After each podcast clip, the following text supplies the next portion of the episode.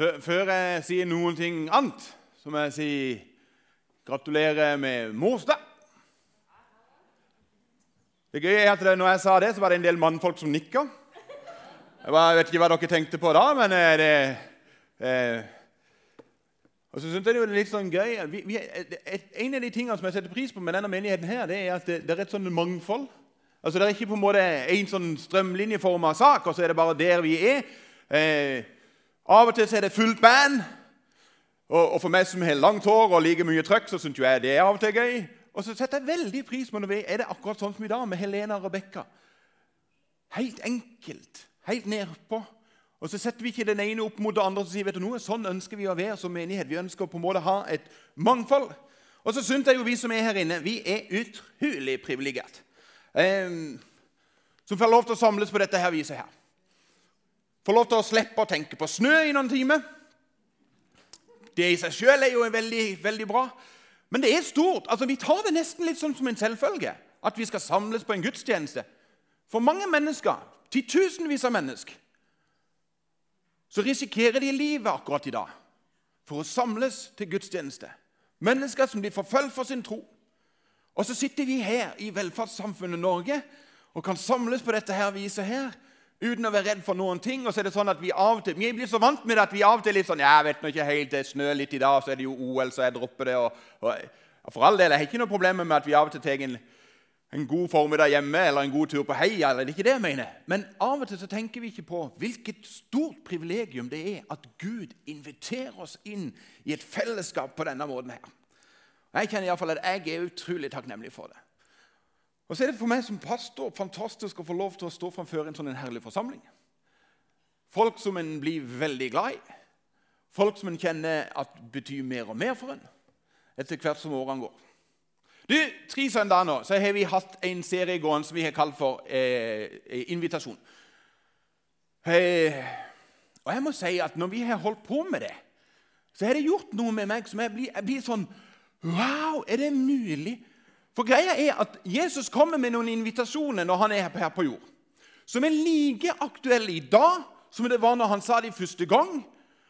Og så blir jeg litt sånn at Wow! Tenk at Gud, den allmektige, inviterer meg inn i sitt fellesskap. Altså, Han, han kunne jo ha snudd ryggen til sitt skaperverk og sagt vet du noe, dette her vil ikke jeg ha noe mer å gjøre. Jeg vil ikke ha noe mer med dette å gjøre i det hele tatt. Men istedenfor så bøyer han seg ned til oss og omslutter oss med sin kjærlighet. Og berører oss på en helt spesiell måte og sier vet du noe? Jeg ønsker å ha fellesskap med deg. Jeg ønsker å invitere deg inn i mitt nærvær. Og når jeg jobber med dette, så kjenner jeg blir sånn, wow, jeg blir så utrolig begeistra. Så tenker jeg, hadde vi vært litt pinsevenner, så hadde vi kanskje smelt i hop og så spleisa på et aldri så lite halleluja akkurat nå. Men nå er jo ikke vi det, da. Det at, men i bunn og grunn så er det noen av oss som er det. Vi, vi kjenner at vet du, Å, takk og lov at jeg får lov til å være i hans sine hender. I hans sine invitasjon. De tre invitasjonene vi har pratet om til nå eh, Den første sa vi 'kom og se'. Jesus sa det. 'Kom og se'. Og så er det sånn en åpen invitasjon. Visning. Se åssen det vil være hvis jeg får lov til å være en del av ditt, din hverdag.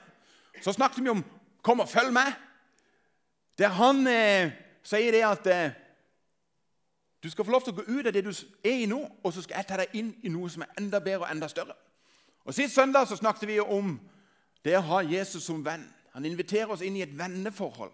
Og Hvis du sitter her og tenker å, de der talene der hørtes veldig gode ut Det var de òg. De var veldig gode. Kjenner han som talte. De ligger på nettet. Og Det gøye er at, og det å se at det er ganske mange som følger med denne menigheten her, hva vi gjør, og lytter til våre taler. Og så vet jeg at det er mange som er i vår smågruppefellesskap, Connect-gruppene, som bruker det aktivt til at, eh, å la det som skjer på gudstjenesten, bli en del av deres hverdag. Og I dag så skal vi ta en invitasjon som jeg gleder meg veldig til, og som jeg kjenner at det berører meg, og så kjenner jeg samtidig at dette er litt sånn utfordrende. Og så vet jeg Det er kanskje en tekst som av og til noen syns det er greit å lese, og noen syns den er vanskelig å lese. Og I dag skal vi være ganske mye i én og samme tekster. Så du som har med deg Bibelen, det anbefaler jeg alle folk å ha. Ha med deg Bibelen på gudstjenesten. Det er ingenting som er så bra som å bla i en bibel. Og Jeg skal gi dere et godt tips Altså, eh, Hun som leder møtet her i dag, Trude, fortalte at hun er bestemor. Jeg skal gi dere et godt tips, dere som er bestemødre, dere som er mødre, og dere som er fedre. Guds ord, Bibelen. Begynn å lese den, så dine barn og barnebarn ser det. Jeg sitter ofte og leser Bibelen på mobilen. Og Da vet jo ikke mine barn om jeg sitter på Facebook eller på Bibelen. Det er bare sånn lite tips. Men vi skal ta oss og bla opp i eh, Johannes i kapittel 15. og Der skal vi lese fra vers 1 og til og med 9. Jeg er det sanne vintre, og min far er vinbonden. Hver gren på meg som ikke bærer frukt, tar han bort. Og hver gren som bærer frukt, renser han, så den bærer mer. Dere er alt rene på grunn av det ord jeg har talt til dere. Bli i meg, så blir jeg i dere. Slik som grenen ikke kan bære frukt av seg selv, men bare hvis den blir på vintre. Slik kan heller ikke dere bære frukt hvis dere ikke blir i meg. Jeg er vintre, dere er grenene. Den som blir i meg og jeg i ham, bærer mye frukt. For uten meg kan dere ingenting gjøre. Den som ikke blir i meg, blir kastet utenfor som en gren og visner. Og grenene blir samlet sammen og kastet på ilden, og de brenner. Hvis dere blir i meg, og mine ord blir i dere, be da om hva dere vil, og dere skal få det. For ved dette blir min far æret, at dere bærer mye frukt og blir mine disipler. Som far har elsket meg, har jeg elsket dere. Bli i min kjærlighet. Jesus, jeg takker deg for det at du er her akkurat nå. Takker deg for det, det er du som taler til oss gjennom ditt ord. Og Jeg ber deg, Jesus, om at vi skal høre din stemme i dag. At du skal få lov til å berøre oss akkurat der vi sitter nå. Jeg ber deg, Jesus, om at vi alle sammen er åpne for at du skal få lov til å tale inn i våre liv. Det ber deg om i Jesu navn. Amen. Kom, bli i meg. Kom, bli i meg. Jeg syns det er en utrolig fantastisk invitasjon. Kom og bli i meg. Og det store med det er at når vi takker ja til denne invitasjonen, så sier han og jeg skal bli i dere. Tenk at Gud, den allmektige, himmelens og jordens skaper, har sagt at jeg ønsker å bo i ditt indre. Altså meg som en enkel sørlandsgutt skal få lov til å erfare og kjenne at Gud ønsker å bo i mitt indre. For meg er det fantastisk. Og så likevel så vet jeg at den teksten vi leste nå, er en tekst som en del syns er litt sånn utfordrende. Det er en del ting som de med som, Hva er det som egentlig greier her? Det ene tingen som av og til kommer opp, det er dette her med bære frukt. Bære frukt. Titt og ofte så møter jeg en del kristne som er veldig slitne. De har så utrolig mye de skal gjøre for Jesus. For Vi skal jo brenne for Jesus. Og så skal vi jo vinne mennesker for Jesus. Og så skal vi jo finne han der ene som er kommet bort. Og så skal vi gjøre det ene, og så skal vi gjøre det andre. Og så kommer vi til dagens tekst, og så står det plutselig at vi skal bære frukt i tillegg. Og så kommer de til sånn sjelesorgsamtale, som det heter så fint når du samtaler med pastoren helt alene. Av og til er det bare fjaseprat òg, men av og til så blir det sånn sjelesorgsamtale. Og så kommer de dønn slitne, og så er de frustrerte, og så er de skuffa over seg sjøl. Og så føler de seg ikke gode nok, og så føler de seg ikke kristne nok, og så føler de ikke at de gjør nok. Og så har på en måte hele dette troslivet og kristenlivet blitt et eneste stort, stort arbeid. Vet du noe? Det er noe i dagens tekst som jeg har lyst til å løfte opp. Det er flere ting. Men en av de tingene vi leste, for denne her teksten her er helt utrolig flott. I vers 5 så stender det 'Jeg' 'Jeg er vintreet. Dere er grenene. Den som blir i meg, og jeg i ham, bærer mye frukt.' Vet du noe? Vet du hva som er viktig ved det? Det er hvem som gjør hva. Hvem gjør hva? Vår oppgave er én ting, og det er å holde oss nær til Jesus. På samme måte som en grein er avhengig av vær på det treet, så er det vår eneste oppgave å holde oss nær til Jesus. Og så er det han som er vintreet sin oppgave å skape frukt i vårt liv. Det er ikke vår oppgave. Det er hans oppgave å gjøre det. Jeg vet ikke om du hørte denne uttrykket om at det, det med at eh, eh, det viktigste er ikke hva du gjør, men hva du er. Det viktigste er ikke hva du gjør, men hva du er. Og jeg tenker, ja, det er mye sant i det. Spørsmålet blir jo da hva, hva er vi for noe? Jo, Vi som takka ja til Jesus, vet du noe? vi er Guds barn. Vi har fått nåde over nåde. Vi er, er frelst. Eh, vi har fått det ufortjent. Vi har fått barnekår. Vi har fått arverett til en himmel. Jesus har sågar blitt vår bror. Det er hva vi er. Og I tillegg så står det her beskrevet som at vi er ei grein som er festa på det store treet Jesus. Det er hva vi er. Hva er det vi gjør, da? Vi gjør jo egentlig ganske mye. Og det står ganske mange ting i Bibelen om hva vi kan gjøre. I Bibelen så står det at vi skal vinne mennesker for Jesus. Det står at vi skal være hans sine vitner, altså det vil si å gå og fortelle andre om hva vi har hørt og hva vi har sett. Det står at vi skal gjøre disipler. Det står at vi skal eh, ta oss av folk som er sultne. Det står til og med at vi skal ta og kle de som mangler klær, og gi mat til de som mangler mat, og drikke til de som mangler drikke, og gå på besøk til de som er i fengsel. Vi skal i det hele tatt bety mye for ganske mange. Og det er ikke rart at når det i tillegg så står at vi skal bære frukt, så er det en del som kommer på sjelesorgsamtalen og sier vet du nå, jeg er veldig sliten. altså. Kjempesliten. Men det er det som er fantastisk med dagens tekst. Den beskriver hvem som gjør hva. Hvis du sitter her nå og tenker du, du, du snakker om frukt Jeg er ikke så veldig bevandra i menighet. jeg er ikke så veldig bevandret, altså Skal vi gå rundt og se ut som sånn fruktfat? Her kommer fruktkorger Mersland. Eh, det står veldig greit beskrevet. I Galaterne 5 så står dette her, i 22-23. Men åndens frukt er kjærlighet, glede, fred. Overbærenhet, vennlighet, godhet, trofasthet, ydmykhet og selvbeherskelse. Det er hva åndsfrukt er. Og Det interessante med det der, det verset der Jeg merka meg en ting.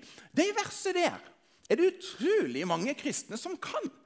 Det er utrolig mange kristne som har lest det. Det er utrolig mange kristne som har hørt bibeltimer om det. Det er utrolig mange kristne som kanskje til og med har hørt meg tale om det, for jeg har talt om det før. Men hvis jeg kunne stilt dere et spørsmål i dag Du skal få lov til å slippe å rekke opp hånda, eller du trenger ikke si det høyt, eller noe, men bare tenk inn i det. Når du leser dette her Kjærlighet, glede, fred over bæren hvem, hvem tenker du på da? Hvilken person i ditt nærmiljø, i din omgangskrets, i din familie, i denne menigheten er det som popper opp i din tanke, og som er sånn Hun er jo akkurat sånn. Hun eller han er jo bare en sånn utrolig kjærlighetsfull. Og det er sånn en fred når de menneskene der kommer inn.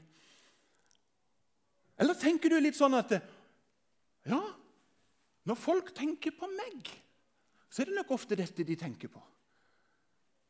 Eller er det sånn at når folk tenker på deg og meg, er det egentlig dette de tenker på? Når folk hører om denne menigheten, tenker de ofte om denne menigheten her at det er en menighet som er full av kjærlighet, glede og fred og forbærenhet osv. osv. Jeg vet iallfall én ting. At disse her åndens fruktene de fikk kjørt seg hemningsløs for en liten tid tilbake siden. Jeg var i en samtale, en telefonsamtale med en forsikringsagent og I løpet av den samtalen der så kjente jeg på en måte at sinnet og frustrasjonen steg noe galneslig opp i meg. Og så plutselig så kjente jeg det at det var verken noe kjærlighet, det var ikke noe glede i den samtalen, det var iallfall ikke noe fred. Og jeg kjente det bare med som kokte mer og mer, og til slutt så kjente jeg her er det verken noe vennlighet eller godhet. Og ydmykhet var det aldeles ikke noe til stede av i det hele tatt. Heldigvis så hopper selvbeherskelsen opp framfor meg med store røde flagg og var litt sånn Oi! Nå må du ta deg en bolle her, Tormann. Og Heldigvis så fikk jeg blikket for den denne selvbeherskelsen der. Og så, og så, tenkte jeg denne her samtalen her må vi få avslutta ganske kjapt. Så høflig vi bare kan. Iallfall hvis du har tenkt å fortsette som pastor. Og så klarte jeg faktisk det, få meg avslutte den samtalen. Og så satt jeg etterpå og tenkte hva var det som egentlig skjedde her for noe? For jeg vet at hadde den samtalen der kommet for en del år tilbake siden, så kunne selvbeherskelsen stått og vifta med rød flagg og sagt 'Nå er det på tide å stoppe, Tore.' Og jeg hadde valsa over han. Og jeg hadde virkelig sagt til den forsikringsagenten hva jeg virkelig mente, og jeg skulle ha vridd det inn, så han virkelig kjente det lenge. Og så jeg spurt meg sjøl hva er det som har skjedd? Hvorfor poppa plutselig en av åndens frukt opp? Og jeg så det veldig tydelig. Er det bare det at jeg har blitt litt eldre? Litt mer moden? Ja, eldre har blitt moden, det vet jeg ikke om jeg har blitt. Eller er det bare det at jeg har blitt mer sånn, tatt meg litt mer sammen? Blitt litt god kristen? Fått en glory som strammer litt. Grann. Litt skinnhellig, ja. Ja, ja, ja. Flink du, Tore. Vet du? Jeg, jeg tror faktisk ikke det er det som er grunnen. Jeg tror faktisk det er to ting som har skjedd i mitt liv, som du kan lese direkte ut av den teksten vi akkurat leste.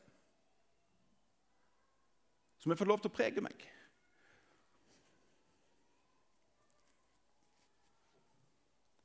Det ene er dette her. Og Vi leser det i dagens tekst. Der det stender dette. Og hver grein som bærer frukt, renser han, så den bærer mer. Vet du hva jeg har lagt merke til? Det hender av og til at Gud pirker meg på skuldra. Og så sier han, 'Tore, kan jeg få lov til å forme deg litt?' 'Kan jeg få lov til å ta vekk noen ting i ditt liv som ikke hører hjemme der?' 'Kan jeg få lov til å rense bort noe?' Og så bare vet jeg at når han gjør det, da våkner det et eller annet i meg som sier, 'Nei, nei, nei, nei, nei, nei. det er jo ikke meg som trenger å endre meg.'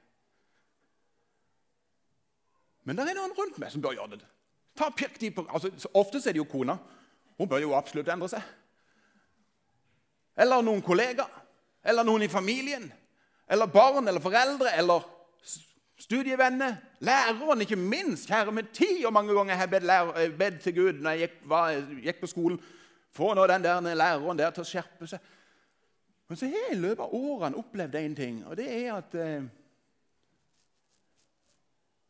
Når Gud pirker meg på ryggen, på skuldra, og spør om han kan få lov til å forme meg, så har jeg funnet ut det at det, det er lite vits i å begynne å argumentere. Det er lite vits i å prøve å få han til å endre mening. For han vet hva som er det beste. Han vet hva som er til det beste for meg. Nei, det har ikke alltid vært like kjekt når han har gjort det. Ja, det har av og til vært smertefullt. Ja, det har av og til vært frustrerende. Men så har jeg sett i ettertid at når han har fått lov til å forme meg, når han har fått lov til å korrigere meg, når han har fått lov til å rense noe ut av meg, så ser jeg jo i ettertid at han har fått lov til å få større plass i mitt liv. Han vet hva som er til det beste. Spørsmålet er bare om jeg lar han få lov til å påvirke meg Sånn at han kan forme meg til det han ser er til det beste. Sånn at han kan få større plass. Det andre har lært i denne teksten her, og som har preget mitt liv i de siste årene, det er en liten ting som jeg har merka meg at det er mange som ikke har fått med seg når de leser tekster her. Hør hvordan stender. Hvis dere blir i meg, og mine ord blir i dere mine ord. Hva er mine ord? Dette, folkens Bibelen. Dette er Guds ord. Dette er grunnen for at vi så ofte løfter den fram. Dette er grunnen for at vi prøver å hjelpe mennesker til å si her er en liten leseplan. Les i bitte grann. Det er grunnen for at vi sier vet du noe? Det er denne her som gjør at det skapes frukt i ditt liv. Det er nemlig gjennom Guds ord og Den hellige ånd som skaper frukten i livet vårt. Men det er en liten oppfordring til deg. Og Ikke kom og si at du fikk dårlig samvittighet når jeg sier dette, her, for det er ikke det som er meninga. Men jeg har så lyst til å si til deg, du som pleier å lese to minutter i Bibelen i løpet av ei uke Kanskje du kunne få det til å bli fire minutter. Du som pleier å lese i fem minutter dagen, kanskje det kunne blitt ti minutter. Du som pleier å lese to kapitler, kanskje det kan bli fire kapitler. For greia er nemlig dette her. Dette er ikke hva som helst. Dette er Guds levende og virkekraftige ord. Dette er ikke vanlig bok, folkens. Dette er noe som gjør noe med oss. Det stender til og med i hebreerne så stender det dette. For Guds ord er levende og virkekraftig. Det er levende ord, og det er virkekraftige ord. Det er ikke noen sånn bare en eller annen roman. Ja, Det kan være gøy å lese romaner av og til, ja, for all del. Men dette er noe helt annet. Dette er livsskapende. Det er levende og virkekraftig og skaper en noe tveget sverd. Det trenger igjennom til det kløyver sjela, og mage og bein og dømmer hjertets tanker og planer. Det er Guds ord. Det er det som former oss, det er det som preger oss. Det er det som skaper kjærlighet, glede, fred, overbærenhet, tålmodighet, selvbeherskelse. Guds ordet er sammen med Den hellige ånd, folkens. Jeg har en kompis, en god kollega, og dette har jeg fått lov til å si. Jeg måtte sende han en melding og si jeg er blitt så inspirert av noe som skjedde med deg for noen år siden. Han begynte på Ansgar, på, på, på eh, bibelskolen der nede i Kristiansand. La en plan om at han kanskje skulle bli pastor. Så var det bare én utfordring, og det er at han syntes det var nikjedelig å lese i Bibelen. Og det er klart at Skal du bli pastor, så er det jo litt sånn dumt at Bibelen ikke er så veldig interessant. Så han tok det opp med en eh, lærer der nede. Og Så sa læreren til han, du vet noe? Hva om du prøver å øve deg til å lese i tre minutter? Ikke noe mer. Tre minutter hver dag. Tre minutter. Han gikk i gang, satt med klokka og kikket på den og så, ok, nå Klar, ferdig, gå. Og så begynte han å lese. Tre minutter, ammen. La igjen Bibelen. som er som, yes, de er klart. Tre minutter i dag. Dagen etterpå, opp med klokka. Tre minutter. Tre minutter gikk. Etter to uker så ble han plutselig merke til at oi sann, der la seg plutselig fem minutter. Det var jo ikke meninga, men ok, det gikk jo greit. Og så begynte dette å prege han. Og Plutselig så var det ikke ei klokke som styrte han i det hele tatt, men plutselig gikk det fem minutter, plutselig gikk det ti minutter, plutselig gikk det en halvtime. Og plutselig så merka han vet du noe, dette her er ikke noe hva som helst ord. Dette er levende og virkekraftige ord. Dette er ord som preger mitt liv, og som gjør noe i møte med de jeg møter. I dag er han en fantastisk pastor borti Bryne, men herligheten, han kom jo fra Telemark, fra Gjerpen. Thomas Aas Pedersen, for en mann! Han er en vanvittig begava forkynner. Når han kommer inn på et ungdomsmøte, så skal jeg love deg det, ungdommene sitter som helt der. Og så lytter de til én ting. Ikke Thomas' sin stemme, men Jesus' sin stemme gjennom Thomas. For det var én som sa vet du noe, jeg ønsker å bruke litt mer tid sammen med deg, Jesus. Jeg ønsker at du skal få lov til å prege mitt liv bitte grann mer. Jeg ønsker å se din frukt prege meg. Og vet du noe, folkens? Jeg håper at det er noe som kan bli sagt om oss, som det ble jo sagt om den første menigheten. At Guds ord får rikelig rom hos dere. Og Det er sånn fantastisk når det skjer. For vet du hva som skjer når Guds ord får lov til å prege oss? Jeg sa i stad at altså det viktigste er hva du er, og ikke hva du gjør. Og Jo mer du leser Guds ord, jo mer vil du se hvem du er. Og jo mer du ser hvem du er, jo mer har du lyst til å gjøre for Han som er i deg. Han er òg rundt deg. Ser du bildet? Altså, Guds ord er i deg. Det er hva du er. Hva du gjør, er det som er rundt deg. Og det er det mennesket rundt oss ser. Og Jeg håper at vi som menighet kan bli sagt om som det ble sagt om den første menighet. De kunne ikke la være å tale om det de hadde sett og hørt. Jeg vet ikke hvorfor jeg roper så veldig, for dere hører meg godt, men jeg ble veldig, veldig begeistra. Når du ser hvem du er så får du en lengsel, en lyst til å gjøre noe. Da ser du de som er rundt deg. Da ser du hvem som trenger klær, hvem som trenger mat, hvem som trenger et glass vann. Hvem som trenger å få et glimt av din Herre og din Frelser. Og så trenger du ikke å gjøre det fordi at pastoren din sa ja, vi skal vinne mennesker for Jesus. Nei, du gjør det ikke derfor. Men du gjør det fordi at begeistringa over å være Guds barn er så stor. Det er helt lov til å av og til ta det helt med ro og bare være. Jeg gjør det titt og ofte. Jeg skrur av mobiltelefonen og tenker så var med alle de rundt meg og blås i menigheten og alt i hop. Nå er det du og meg, Jesus. Ingen andre. Du og jeg. Du og jeg. Og de sunnene der, det er himmel på jord.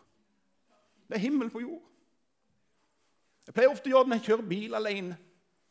Da sitter Jesus på sida. Egentlig burde jo han ha styrt, og alt det der, men det passer seg best rundt her i Norge der jeg kjører, og han sitter på siden.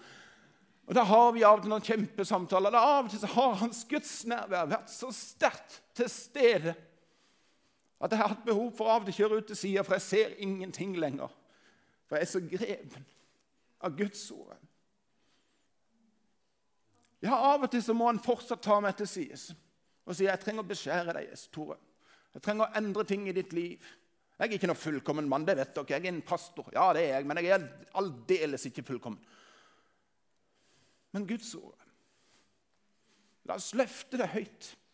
La oss løfte det høyt. Sånn at mennesker rundt dere ser hvem som bor i dere.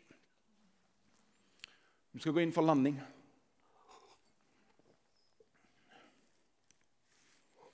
Kom og bli i meg. Det er en invitasjon. Kom og bli i meg. En invitasjon om at han kan få lov til å være i oss. Vi har fått en invitasjon til at han kan få lov til å beskjære oss. Verdens beste gartner, som vet alt om deg. Han ønsker å gjøre ting i ditt liv. Når jeg satt og forberedte talen, så satt jeg lurte litt på om jeg skulle skrive sånn en liten smørbrødliste over ting kanskje Gud ønsker å gjøre i ditt liv, eller endre i ditt liv. Og så fant jeg vet du noe, det har jeg ikke lyst til. Jeg har ikke lyst til å stå her som en sånn en moralpastor med som sier du bør skjerpe deg på det og det området der. Og vet du hva jeg tror for deg? Jeg er hellig overbevist om at akkurat nå så er Den hellige ånd i dette rommet her. Og han minner deg om hva som trengs. Og han kom ikke som en som moralens vokter for å ta deg. Når han kommer og peker på ting i ditt liv, så er det ikke for å ta deg, men det er for å løfte deg. Løfte deg opp, sånn at han får større plass. Sånn at han kan få lov til å prege ditt liv enda mer. Sånn at du kan få lov til å bety enda mer for enda flere. Helene og Rebekka, kan ikke dere komme fram?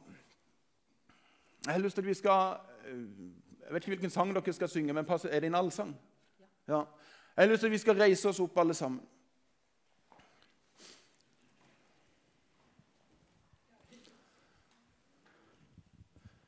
Vi har en bønnekrok her i menigheten.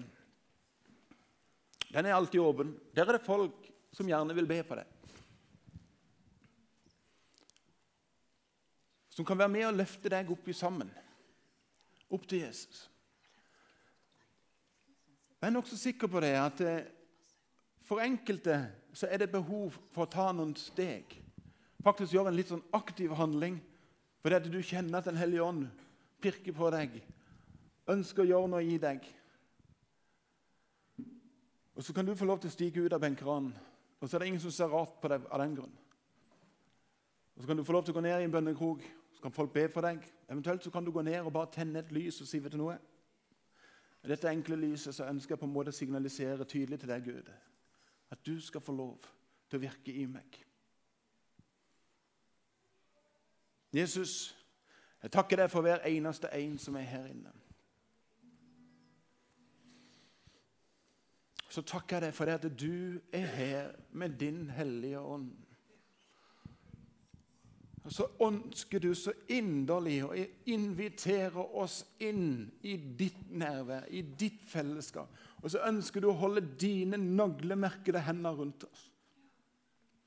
Så fyller du oss med ditt nærvær. Du fyller oss med din kjærlighet, med din glede, med din fred. Ja, Jesus. Så ber jeg Jesus for oss alle, og meg sjøl inkludert, Jesus.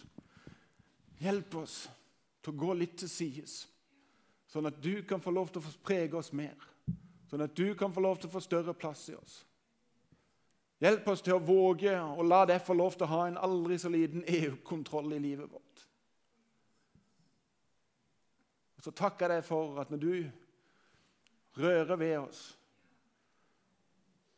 så det er ikke en hard hånd som kommer, men det er en øm hånd som bare ønsker å løfte oss opp. Det priser jeg deg for. I Jesu navn. Amen.